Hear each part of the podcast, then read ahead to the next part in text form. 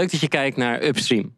Bij Upstream willen we je meenemen in het verhaal van de Bijbel via allerlei thema's die in je leven voorbij kunnen komen. We zitten in een serie die heet De beste versie van jezelf. Laten we snel gaan kijken.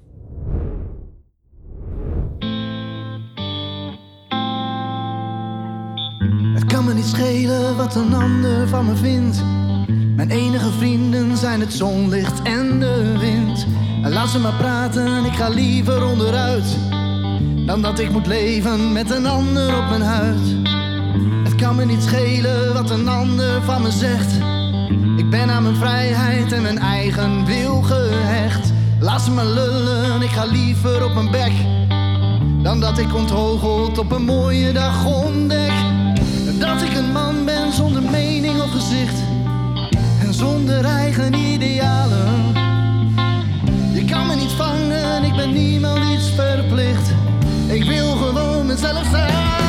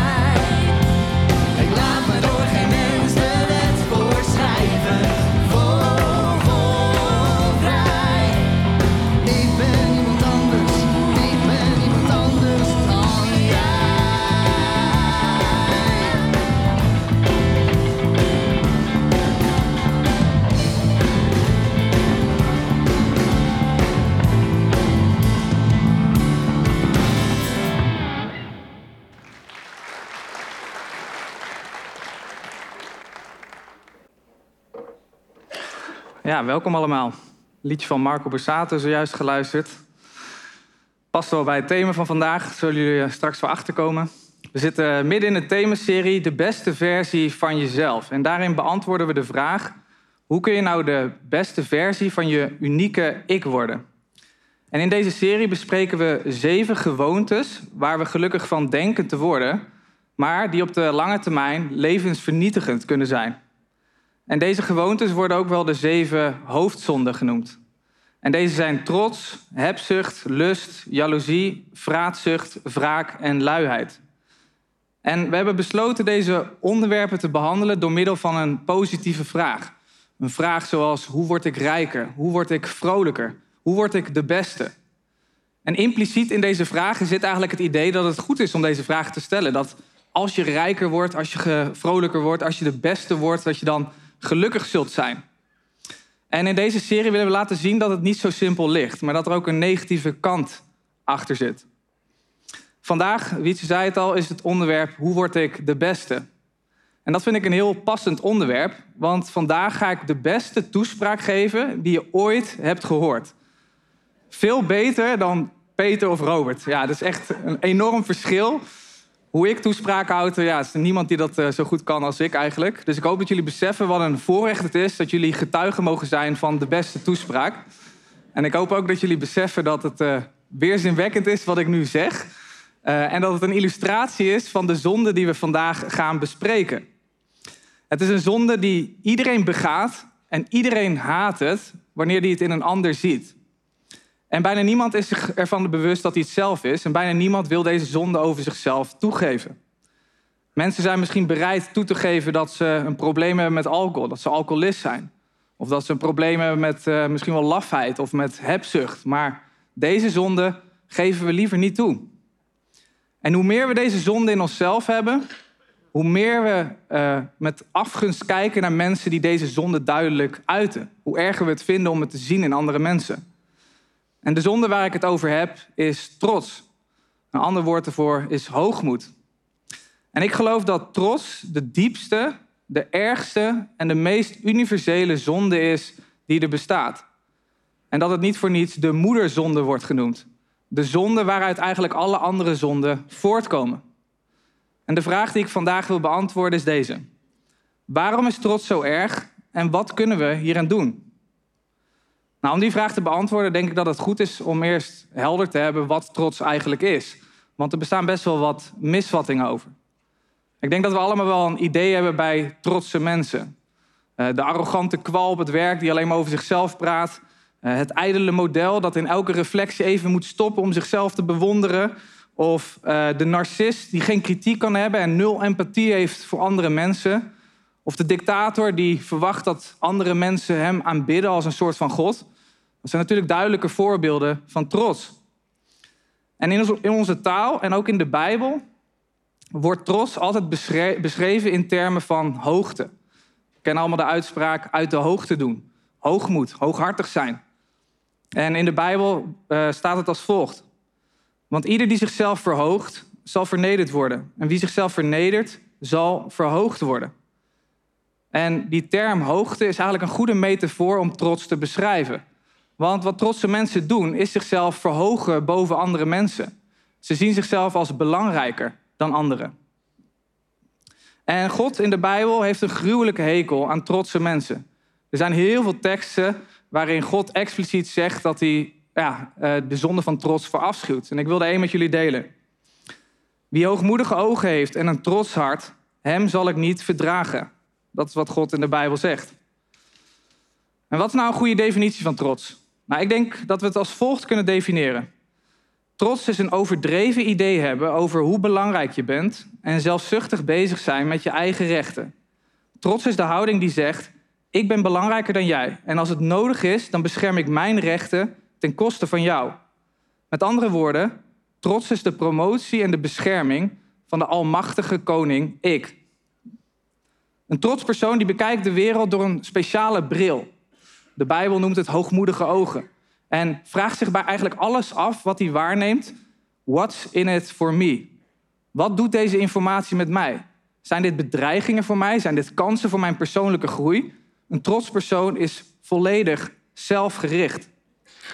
En hieruit volgt dat een trots persoon in essentie egoïstisch is. En dat is omdat hij zichzelf als belangrijker ziet dan andere mensen.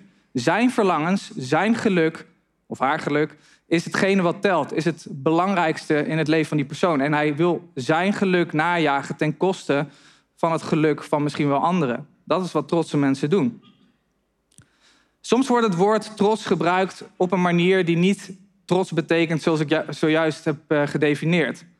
Uh, als iemand bijvoorbeeld zegt dat hij trots is op zijn zoon, uh, dan betekent dat niet dat je nou ja, heel egoïstisch bent of zo. Nee, dat kan juist heel positief zijn. Dan betekent het meer dat je een warme bewondering hebt voor je kind, omdat hij iets goeds heeft gedaan. Maar ook dit kan trots worden als het opeens uh, verandert in van, nou, ik heb een warme bewondering voor mijn kind, naar van, wow, wat is mijn kind toch beter dan andere kinderen? Dat je misschien trots bent op het feit dat je kind goed presteert op school en dat je dan denkt van, mijn kind is slimmer dan andere kinderen. En En wat heb ik toch briljante genen dat ik mijn kind die slimme genen heb doorgegeven? Ja, dan wordt het natuurlijk wel trots. En waarom? Nou, dat is omdat trots in essentie in competitie is. In competitie met anderen. Een trotspersoon wil niet simpelweg goed zijn, ergens in, maar die wil de beste zijn. Het is het genot van beter zijn dan andere mensen. En dit kan over van alles gaan.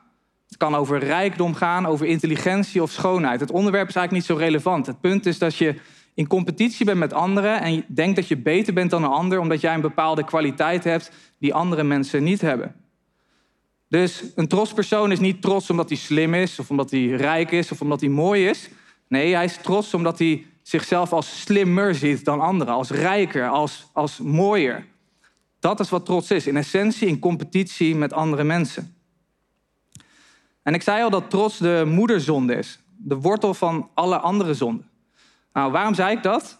Nou, dat is vanwege die gedachte dat je beter bent dan andere mensen, dat je belangrijker bent. Als je hier goed over nadenkt, dan besef je dat hier eigenlijk allerlei zonden uit voortkomen. Zoals bijvoorbeeld hebzucht. Een hebzuchtig persoon wil alleen maar meer en meer spullen voor zichzelf hebben. Waarom? Omdat hij het idee heeft ook dat hij het meer verdient dan anderen. Hij heeft het idee dat hij er recht op heeft en dat hij nog niet genoeg heeft. Daar komt ook een ondankbaar hart vandaan. Dat je denkt van ik heb niet genoeg, ik hoor meer te krijgen. Ik heb meer recht dan wat ik nu heb. Komt voort uit trots. Of lust. Je wil seksueel genot. En je wil dat met iemand krijgen en bent dan niet gericht op die persoon, maar alleen maar op wat die persoon jou kan geven. Je bent dus gericht om jouw gevoelens te bevredigen en niet op die andere persoon. Je ziet die persoon als een object die puur bestaat om jouw lusten te bevredigen. En je rechtvaardigt dit voor jezelf omdat je zo trots bent. Omdat je denkt dat jij en jouw gevoelens belangrijker zijn dan die andere persoon. Of jaloezie. Je kan het niet hebben dat andere mensen iets hebben wat jij wilt. Waarom niet? Omdat jij denkt dat jij meer recht hebt op die dingen dan zij. Je ziet jezelf als belangrijker dan de ander. En zo kan ik nog even doorgaan. Eigenlijk iedere zonde komt erop neer dat je een trots hart hebt. En de ergste vorm van trots wordt ook wel narcisme genoemd. Dat is eigenlijk trots in hele hoge mate. Een narcist is iemand die zichzelf zo belangrijk vindt dat hij nul rekening houdt met andere mensen. En dat hij ook geen empathie heeft voor andere mensen. En het probleem met narcisten is dat je ze dit onmogelijk kan vertellen. Als je tegen een narcist vertelt dat hij een narcist is, zal hij het nooit aannemen, omdat hij zichzelf als zo goed ziet, zo hoog, dat hij zich niet kan voorstellen dat er iets mis is met hem. Narcisten kunnen geen kritiek hebben. En dat is überhaupt het probleem met trots. Hoe trotser je bent, hoe blinder je wordt. De meest trotse personen zijn de mensen die het het minst beseffen. Dus als je nu bij jezelf denkt dat je helemaal niet trots bent, dan is dat waarschijnlijk een teken dat je best wel trots bent. En hoe erg is het dan precies met de mens gesteld? Zijn we allemaal trots of zijn sommige mensen trots? Hoe erg is het? Om die vraag te beantwoorden, denk ik dat het goed is om te kijken naar kinderen. Als je wil weten wat het ten diepste schuil gaat in de mens, is het goed om te kijken naar kinderen. Want kinderen zijn nog puur en onbevangen. Die uiten zich gewoon precies hoe ze zich voelen. Dus daaruit kun je best wel veel afleiden. En het is niet lastig dat als je naar kinderen kijkt, om tot de conclusie te komen dat het een stel narcisten zijn. Kinderen zijn volkomen op zichzelf gericht. En dat is ook de verklaring voor de vele ruzies die er zijn tussen broertjes en zusjes. We kennen het allemaal wel. Dat uh, broertjes of zusjes zeggen: Dit is niet eerlijk, ik, ik, ik wil dit speeltje hebben. En, en dat ze ruzie maken erover. Dat is allemaal omdat ze denken dat zij het meeste recht hebben. Dat zij de belangrijkste plek horen in te nemen. En een goed voorbeeld zijn mijn eigen kinderen. Ik geef al vaker mijn eigen kinderen als voorbeeld. Dat zijn hele lieve, schattige kindjes hoor. Sophie, Zoe en Floren. Van 5, 3 en 1. Uh, maar het is ook niet lastig om ook bij hun te zien dat ze lijden aan heel veel egocentrisme. Dat uh, ze allemaal de belangrijkste willen zijn. Uh, dat als we ze bijvoorbeeld een koekje geven en je deelt het in twee, dat is iets wat ik niet aanraad om te doen. Dan geef ze allebei een stukje koek. Nou, dan gaan ze het gewoon helemaal analyseren. Ze pakken er nog net geen microscoop bij, maar ze willen precies kijken van... heb ik wel het grootste stukje? En als ze het idee hebben dat ze niet het grootste stukje hebben... nou, dan barst de hel los. En dan zeggen ze allemaal, zeggen ze altijd... dit is niet eerlijk. Hoe vaak Iris en ik dat wel niet horen. En de vraag is, wat is er dan precies niet eerlijk? Nou, in hun ogen is het niet eerlijk dat zij iets minder krijgen dan een ander. Want zij hebben het idee dat zij het meeste recht hebben op het grootste koekje. Dat is een vorm van narcisme wat gewoon in kinderen zit. En de vraag is, als kinderen volwassen worden, worden ze dan beter? Worden ze dan vanzelf meer altruïstisch? Ik denk het niet. Ik denk dat als we volwassen worden, dat het niet zo is dat het onderliggende natuurlijke narcisme wat in ons is, dat dat weggaat, maar dat het simpelweg verandert naar een andere vorm. We worden gewoon wat geavanceerder, omdat we beseffen dat als we ons blijven gedragen als kinderen, ja, dan bereik je niet veel in de wereld. Dan kijken mensen op je neer en dan, uh, dan vinden mensen je vreselijk. En dat is ook mijn punt. Trots heeft veel verschillende verschijningsvormen. En ik wil er een aantal met jullie langs gaan. Mensen kunnen lijden aan bijvoorbeeld zelfverheerlijking. Dat is iets wat in deze tijd ook vaak gebeurt. Als mensen zich een beetje onzeker voelen of uh, hun eigen waarde een boost willen geven, dan gaan ze allemaal positieve dingen over zichzelf afroepen om zich maar goed te voelen. Zoals uh, in het blad De Libellen. Dan zie je heel veel van die uh, positieve affirmaties, zoals het dan heet, om jezelf, om je eigen waarde een boost te geven. En dat is best wel bizarre dingen die de mensen dan over zichzelf afroepen. Ik zal er een aantal, aantal voorbeelden zou ik geven. Mijn geest kan briljante ideeën bedenken. Ik geloof in mezelf en vertrouw op mijn innerlijke wijsheid. Ik ben een bron van succes. Ik verdien het om rijk te worden. Ik ben sterk en onoverwinnelijk. Of mensen doen ook in deze tijd veel aan zelfpromotie. Hoeveel mensen wel niet op social media heel druk bezig zijn om aan de buitenwereld te laten zien hoe goed zij hun leven op orde hebben. Wat voor perfect lichaam ze hebben, wat voor perfect leven ze hebben. Dat is allemaal een vorm van trots om te laten zien dat mensen nou ja, beter zijn dan andere mensen. Of zelfrechtvaardiging. Daar doen we ook allemaal aan. Dat we, onszelf, dat we geneigd zijn om onszelf te vergelijken met andere mensen. En dan het liefst met mensen waarvan we denken dat die minder zijn dan wij in een bepaalde eigenschap. Dat is de reden waarom mensen roddelen. Dat geeft mensen een goed gevoel, want dan ben je andere mensen aan het verlagen, zodat je zelf verhoogd wordt. Allemaal een vorm van trots. En het zit zelfs in zelfveroordeling. Dus mensen die heel erg onzeker zijn en te neergeslagen, en die over zichzelf zeggen: Ik ben waardeloos, niemand vindt mij leuk, ik doe alles fout. Ook dat is een vorm van trots. Dat is geen nederigheid. Want wat is de grote overeenkomst tussen iemand die zichzelf veroordeelt en constant negatief denkt over zichzelf en iemand die heel positief denkt over zichzelf? Dat is dat beide mensen heel erg op zichzelf gericht zijn. Dus of je nou onzeker bent of arrogant, de overeenkomst is dat je volledig gefocust bent op jezelf en op je eigen gevoelens en andere mensen bijna niet eens meer ziet. Dat is omdat je ten diepste jezelf het belangrijkste vindt. Daarom ben je op jezelf gefocust. Je ziet jezelf als het centrum van het universum. Allemaal trots. En Ernest Becker, dat is een Amerikaanse antropoloog, die heeft een eh, goed boek geschreven, The Denial of Death heet het is iemand die geen christen was, maar die heeft vanuit seculier oogpunt uh, heeft hij de conclusie getrokken dat eigenlijk alle mensen hopeloze narcisten zijn. We geven in de eerste plaats alleen maar om onszelf. En dit blijkt ook uit een definitie van geluk die al 2.500 jaar bestaat. En deze definitie wordt nog steeds wel eens gebruikt. En die is oorspronkelijk door Aristoteles uh, bedacht. Aristoteles zei: geluk is wanneer de man naast je met de pijl wordt geraakt. Geluk is wanneer je buurman kanker krijgt en niet jij. Geluk is wanneer jij de loterij wint. Het is allemaal zelfgericht. Zo definiëren we geluk. Ten diepste, volgens Ernest Becker, is de mens gericht op zijn eigen waarde en zijn persoonlijke eer. Volgens hem is dat de diepste motivatie van bijna alles wat we doen. En dit is heel pijnlijk en heel ontnuchterend. En we willen deze realiteit liever niet onder ogen komen, want het is bijzonder confronterend. Maar als je er goed over nadenkt, is het wel een goede conclusie.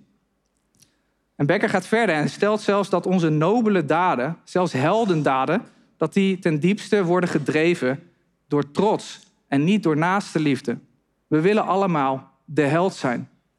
Dit is wat Becker zei.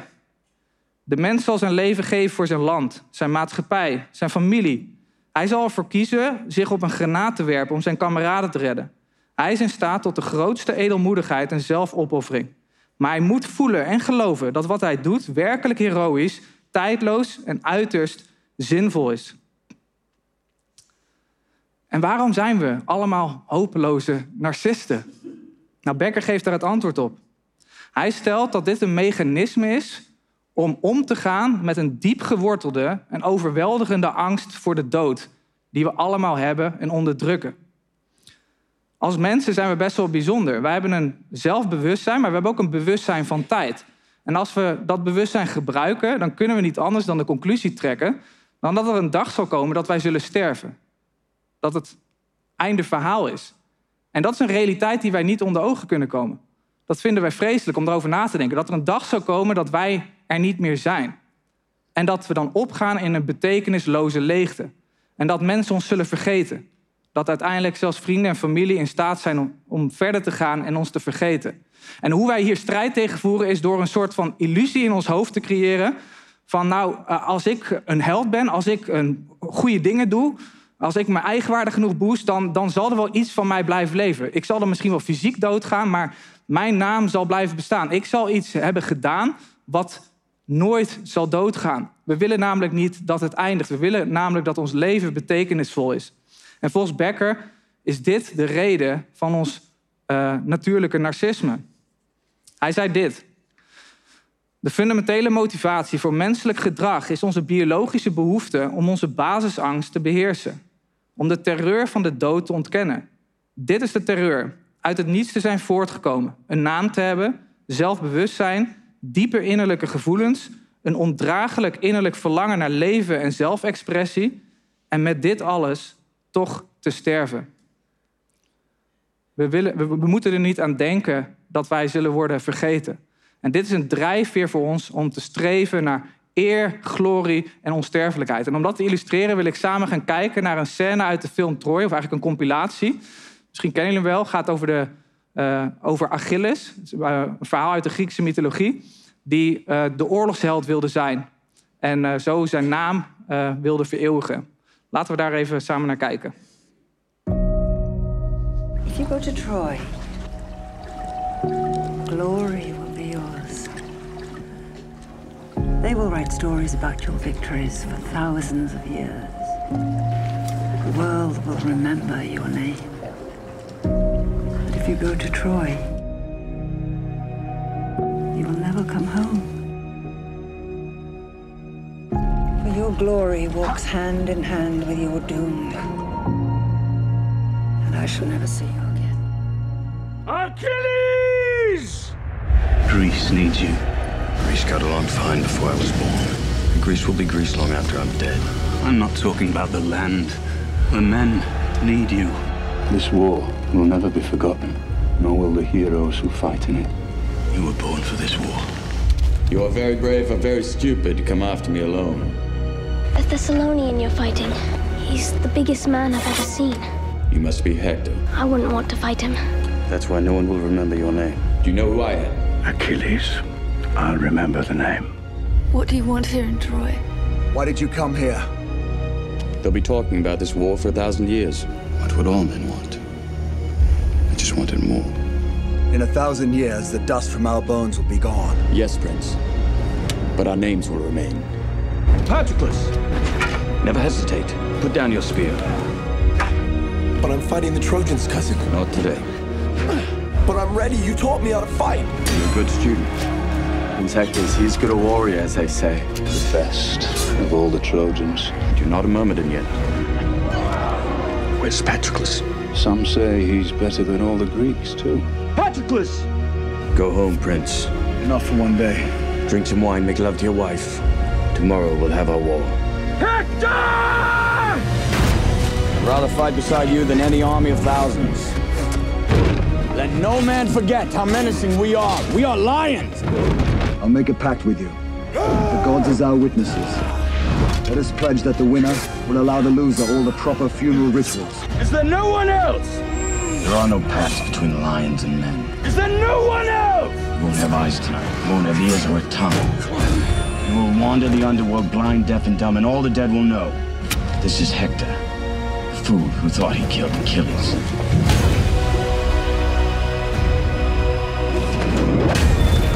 I've known men like you my whole life. No, you haven't. I think you're so different from a thousand others. Soldiers understand nothing but war. Get out, Prince of Troy. Won't let a stone take my glory. Why did you choose this life? What life? Be a great warrior.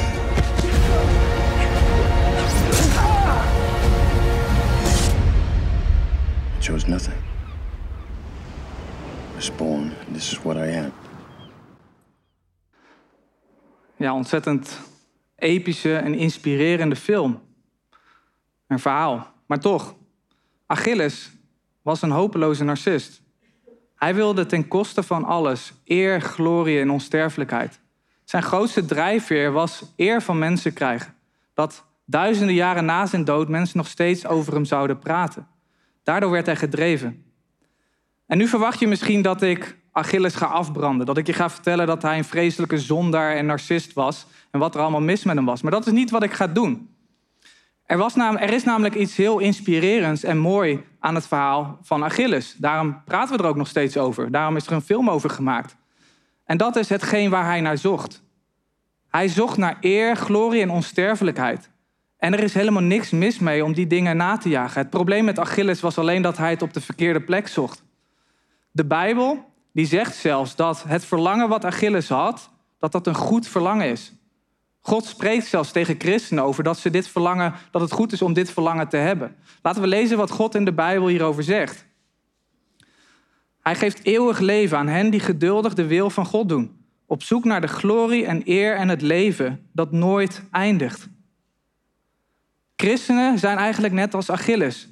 Die zoeken naar eer, glorie en onsterfelijkheid. En het is dus niet verkeerd om die dingen na te jagen.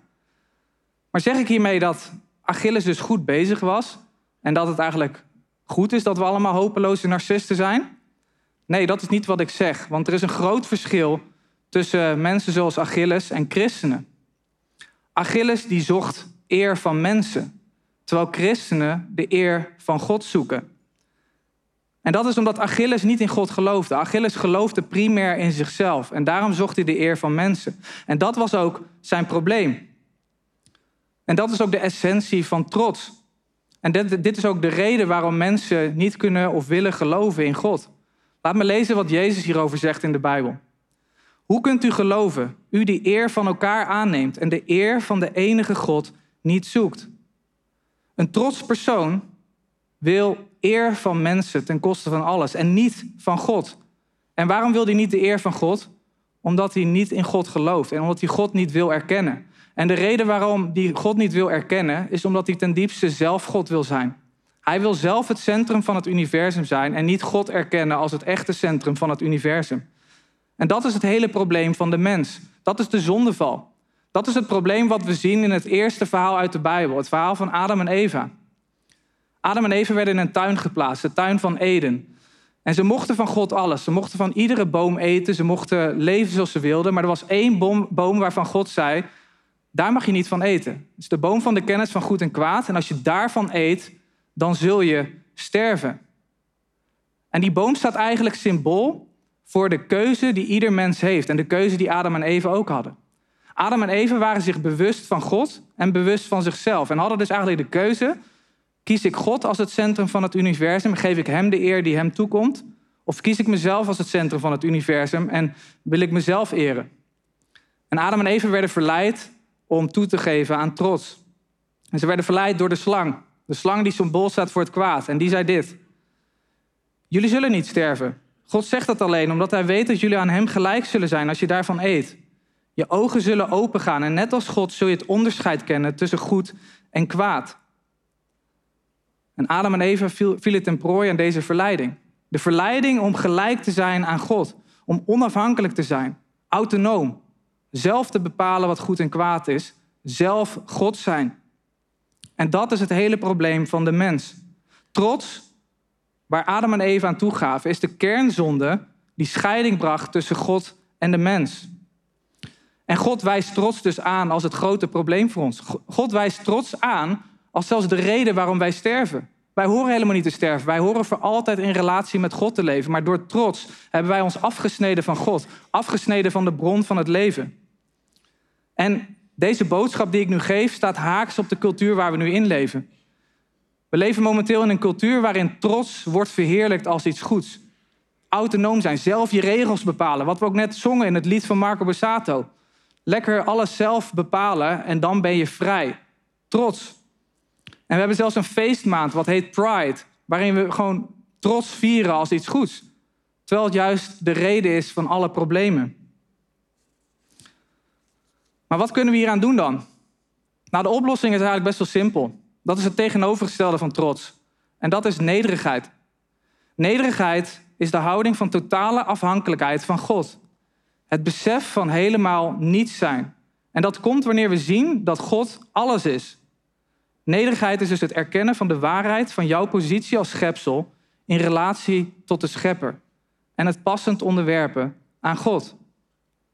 En we denken vaak bij nederigheid dat dat iets vrooms is. Wow, wat, wat is die persoon nederig? Maar er is helemaal niets bijzonder aan nederigheid.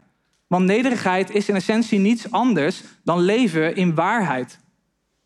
We zijn allemaal hopeloze, afhankelijke, narcistische wezentjes die ons eigen leven niet eens in stand kunnen houden. We zullen allemaal op een dag sterven en we zijn volkomen afhankelijk van onze schepper. Dus doen alsof wij ons leven op orde hebben. Doen alsof wij het allemaal wel op een rijtje hebben. Dit is leven een leugen. Een trots persoon leeft in een illusie. En een nederig persoon leeft simpelweg in de waarheid. En als er iemand het voorbeeld gaf in wat het betekent om in nederigheid te leven, dan is het Jezus. Jezus is God die mens is geworden. En de eerste daad van nederigheid zien we al in, in dat, dat feit. Dat God vanaf zijn troon hoog in de hemel ervoor koos om helemaal naar beneden te komen, zich te verlagen, geboren te worden als een babytje, God, om onder ons te leven. En waarom? Om ons te redden van de problemen die we zelf hebben gecreëerd. Om ons leven te geven. En tijdens zijn leven liet Jezus zien wat het betekent om nederig te zijn. Hij was niet bezig om gediend te worden. Nee, hij was aan het dienen. Hij waste zelfs de voeten van de discipelen. Hij, hij liet zien wat het betekent om nederig te zijn. En hij was in alles afhankelijk van God. Hij was constant aan het bidden en zei ook dat hij niks kon doen tenzij God het in hem deed. En hierin gaf Jezus het voorbeeld voor ons hoe wij horen te leven. Dat is wat Jezus kwam doen op aarde. Laat me lezen. Hij legde zijn grote macht en heerlijkheid af, nam de gestalte aan van een dienaar en werd een mens. Herkenbaar als mens vernederde hij zich en gehoorzaamde tot het uiterste, zelfs tot in de dood aan het kruis. En drie jaar lang was Jezus aan het leven in complete nederigheid en liet hij zien wat het betekent om je naaste lief te hebben als jezelf, niet gericht te zijn op jezelf en al dat soort dingen. En de discipelen die drie jaar met hem, met hem optrokken, die kregen dat allemaal mee, maar de boodschap kwam maar niet binnen. Dat is zo bizar aan trots. Op een dag was Jezus tegen zijn discipelen aan het zeggen dat hij, uh, dat hij op een dag gruwelijk zou lijden en sterven. En die boodschap kwam al helemaal niet binnen bij de discipelen, ze snapten er helemaal niks van. Maar terwijl toen Jezus dat net had gezegd, gingen ze met elkaar ruzie maken over wie de belangrijkste was. Dat is hoe diep trots zit. Zelfs de discipelen die drie jaar onderwijs kregen van de Zoon van God, die, daar kwam de boodschap niet binnen over wat het betekent om nederig te zijn. En dat is omdat trots zo diep geworteld zit. En dat is ook mijn punt. We kunnen dit niet zelf. Wij kunnen dit probleem niet oplossen. Wij kunnen niet zomaar opeens nederig zijn. Trots zit diep in ons hart. En Charles Spurgeon, dat is een uh, Engelse spreker die leeft in de 19e eeuw, heel invloedrijk, die zei dit hierover. Je kunt je inspannen tegen trots totdat je denkt dat je nederig bent. En de verwondering over je nederigheid zal je trots maken. Trots is een zonde met duizend vormen. Door eeuwige verandering ontsnapt het aan gevangenneming. Dus wij mensen hebben een probleem die we zelf niet kunnen oplossen. Niet alleen hebben we een enorme schuld opgebouwd bij God door God af te wijzen als het centrum van het universum, maar alleen maar voor onszelf te leven. Ook kunnen wij onszelf niet eens beter maken. Wij kunnen niet afkomen van onze eigen trots. En daarom kwam Jezus ook naar deze wereld om dit probleem op te lossen. Niet alleen leefde Jezus het perfecte leven, hij stierf ook aan een kruis. En de reden dat hij stierf is om onze schuld te dragen. Wij hebben een enorme schuld opgebouwd bij God. En Jezus stierf aan het kruis in onze plaats. Zodat wij vergeven kunnen worden. Zodat God ons kan vergeven en weer in goede relatie met ons kan komen. Hij onderging de straf die jij en ik verdienen. Dat is de ultieme daad van nederigheid. Jezus verlaagde zich zo ver tot aan het kruis. Dat hij naakt hing aan een kruis. En zo werd vernederd en helemaal kapot werd gemaakt. Om jou en mij te redden. De grootste daad van nederigheid en liefde die je maar kan bedenken. Dat is hoe ver God bereid was, was om jou te redden. En dat is ook de manier om gered te worden. Dat wij op een punt komen en we beseffen dat we onszelf niet kunnen redden, dat we hopeloze, zondige wezentjes zijn die God niets te bieden hebben behalve onze zonde. En zo moeten we dus ook bij God komen. Wij moeten bij God komen en niet proberen onszelf te rechtvaardigen en te denken van nou oké, ja, ik heb hier en daar wel wat dingetjes fout aan mij. Nee, we moeten bij God komen in het besef van er is helemaal niks goeds wat wij hem te bieden hebben. Wij moeten komen als afhankelijke, narcistische zondaren. En als je op die manier bij God komt, dat is zo bijzonder, dan zal God oneindig veel medelijden met je hebben en dan wil hij je vergeven. En dat kan hij doen door de persoon en het werk van Jezus. En toen Jezus was gestorven, eindigt het verhaal niet. Na drie dagen stond hij op uit de dood en liet hij daarmee zien dat hij de dood heeft overwonnen. En, en zo eigenlijk ook onze grootste angst heeft overwonnen. Wij kunnen naar hem toe gaan, ons leven aan hem overgeven en daardoor juist het leven ontvangen. En dat is ook de boodschap van het evangelie. Dat wij geloven in de persoon en het werk van Jezus om gered te worden, om eer, glorie en onsterfelijkheid te krijgen, waar Achilles ook zo naar verlangde. En daar mogen we naar verlangen, maar we moeten het wel zoeken in God en niet in onszelf. En wanneer je dat beleidt, dat je niets anders hebt dan zonde, dat je het verdient om te sterven en te worden verstoten door God, dan zal God je redden en je aannemen als zijn kind. Maar dan moet je, moet je wel beseffen dat jij niet de held kan zijn. Niemand van ons is de held. Er is maar één held in het verhaal en dat is Jezus. En als je dat gaat beseffen en je vertrouwen gaat stellen op Hem, dan komt alles goed. En dit wordt ook wel genade genoemd. God wil ons alles geven, ook al hebben we het niet verdiend. En dat betekent dat we ons dus ook niet meer hoeven te rechtvaardigen. We hoeven niet meer krampachtig bezig te zijn met onze zogenaamde goedheid, omdat we gewoon eerlijk kunnen toegeven hoe verrot we zijn, want God wil ons genade geven. Dus als we gewoon eerlijk in de spiegel kijken en eerlijk tegen God beleiden dat er iets mis is met ons en dat we genade nodig hebben, dan wil hij ons dat geven en dan krijgen we alles. En dit is wat C.S. Lewis hierover zei. De gevallen mens is niet slechts een onvolmaakt wezen dat verbetering behoeft. Hij is een rebel die zijn wapens moet neerleggen. Het zijn niet een paar kleine dingetjes die aan ons niet goed zijn. We zijn in de kern niet goed. We hebben een trots hart en we moeten ons overgeven aan God. Beseffen dat wij niks in ons hebben, maar dat God ons alles te bieden heeft. En dan zul je gered worden en dan zul je eer, glorie en onsterfelijkheid krijgen.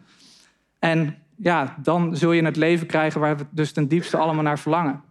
En de boodschap is dus eigenlijk dit. De enige weg omhoog is de weg omlaag. En daarom zei Jezus dit. Want wie zijn leven wil behouden, die zal het verliezen.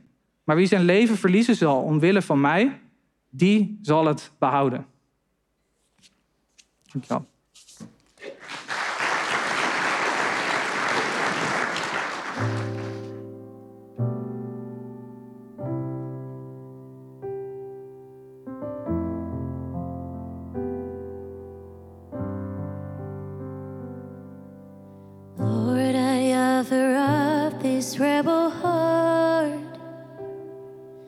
So stubborn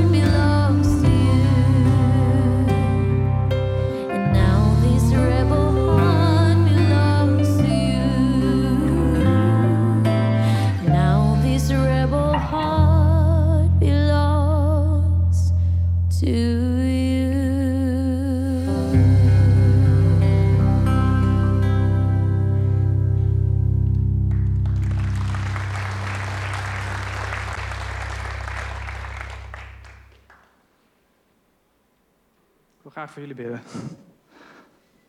Vader in hemel, dank u wel uh, dat ik uh, weer mag getuigen over u, Heer. Wat een voorrecht is het eigenlijk om te mogen getuigen over de grootste persoon die er bestaat en het grootste en mooiste nieuws wat er is, Heer. Ik besef me dat ik, uh, dat ik er alleen maar in kan tekortschieten. Dat is ook de grote frustratie van een spreker. Dat, ja, dat we eigenlijk alleen maar kunnen tekortschieten in het overbrengen van zo'n grote en zo'n mooie boodschap. Maar toch bid ik u, Heer, dat u met uw Heilige Geest uh, in de harten van de mensen zult doordringen. En, en ja, zult laten merken dat wat ik heb gezegd, dat dat waar is. Dat u de waarheid bent. En dat, dat we u allemaal ontzettend hard nodig hebben. Dat we ja, weerloze, zondige wezentjes zijn die uw genade boven alles nodig hebben. En Heer, ik had het erover dat uh, trots, dat dat zo diep zit dat we dat zelf niet kunnen oplossen. En dat zelfs bij de discipelen van Jezus niet was opgelost. Maar dat, er is natuurlijk wel een oplossing en dat is uw Heilige Geest. En dat is ook wat we met Pinksteren natuurlijk volgende week vieren. Dat de Heilige Geest werd uitgestort over de discipelen. En toen dat gebeurde, was hun hart veranderd. Kregen ze van uw nederig hart en gingen ze vol overgave en overtuiging spreken over u, over hoe groot u bent. En waren ze bereid ook om te lijden voor u. En vonden ze dat zelfs een grote eer. Heer, nederigheid is binnen handbereik. Maar we moeten wel beseffen dat we het zelf niet kunnen creëren, maar dat u dat in ons creëert. En zo bid ik u, Heer, dat u met uw Heilige Geest in onze harten zult werken en ons nederig zult maken. En dat we zo allemaal het evangelie zullen aanvaarden. Uw manier om ons te redden. Door de persoon en het werk van Jezus. En dat we zo gered worden en uh, nou, eeuwig bij u zullen zijn. Met de eer en glorie in onsterfelijkheid, waar we allemaal naar verlangen. Dat bid ik u en ik dank u ervoor in Jezus' naam. Amen. Ja, dan zijn we alweer bijna aan het einde gekomen van dit deel van de beste versie van jezelf. Misschien dat je verder wil praten over datgene wat er voorbij is gekomen. Dat kan. Daarvoor zijn verschillende mogelijkheden via onze website. Misschien wil je wel een Upstream Café bezoeken. Dat is een plek waar je samen met andere mensen naar deze video's kunt kijken en erover door kunt praten. En tenslotte staan er nog veel meer video's op onze website www.upstream.café. Dus neem gerust een kijkje. Voor nu, tot ziens bij Upstream. Given me something, something I've wanted, something I need. And I didn't know what I needed a new way of living, a new way to be.